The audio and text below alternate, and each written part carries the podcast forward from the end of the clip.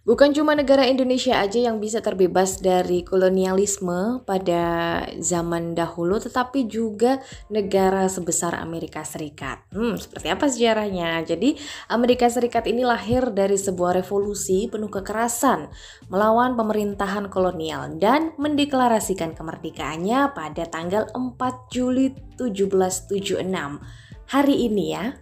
Namun itu bukanlah sebuah revolusi oleh masyarakat pribumi melawan ketakutan kolonial atau kekuatan kolonial yang menaklukkan wilayahnya. Tapi sebaliknya, revolusi Amerika dilakukan oleh rakyat Inggris dan para pemukim koloni melawan negara asal mereka. Wow, bisa gitu. Jadi koloni Amerika ini memberontak terhadap dominasi pemerintah Inggris mereka yang sering mengadopsi kebijakan ekonomi dan politik. Kebijakan kerajaan Inggris dinilai bertentangan dengan kepentingan di koloni yang kini bermukim di tanah Amerika. Jadi kayak membelot ke pemerintahan sendiri kan ya. Negara baru Amerika Serikat secara resmi diakui dalam perjanjian Paris yang ditandatangani pada 1783. Jadi ada sejarah koloni apa sih yang ada di Amerika itu? Gini nih, sejak Columbus menemukan benua Amerika, tepatnya di Amerika bagian selatan, pada 14 Agustus 1498, gelombang pendatang asing Eropa hingga Afrika mengalir terus ke wilayah baru yang luas ini ya. Pada abad 17 hingga 18, ratusan ribu orang Afrika dibawa dan dijual sebagai budak untuk bekerja di perkebunan kapas dan tembakau.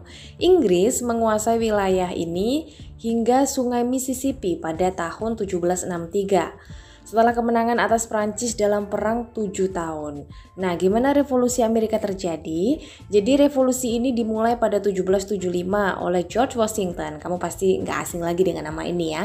Dia yang memimpin Angkatan Darat Kontinental untuk melawan pemerintahan Inggris.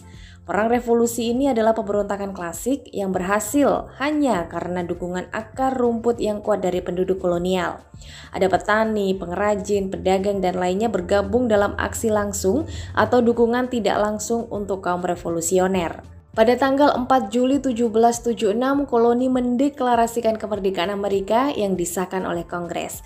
Negara-negara bagian yang memberontak membentuk konfederasi sementara pada 1781 setelah mengalahkan Inggris di pertempuran Yorktown. Lantas setelah itu pasti ada pembentukan konstitusi dong. Nah, melalui perjanjian Paris pada 1783 Inggris akhirnya menerima hilangnya koloni di wilayah Amerika. Tokoh pendiri bangsa mulai menyusun konstitusi untuk Amerika Serikat di tahun 1787 yang lalu berlaku di tahun 1788. Pada 1789 ini George Washington terpilih sebagai presiden pertama Amerika Serikat. Kebijakan ekonomi awalnya memainkan peran aktif dalam mempromosikan iklim bisnis yang pro pertumbuhan yang menguntungkan para pengusaha.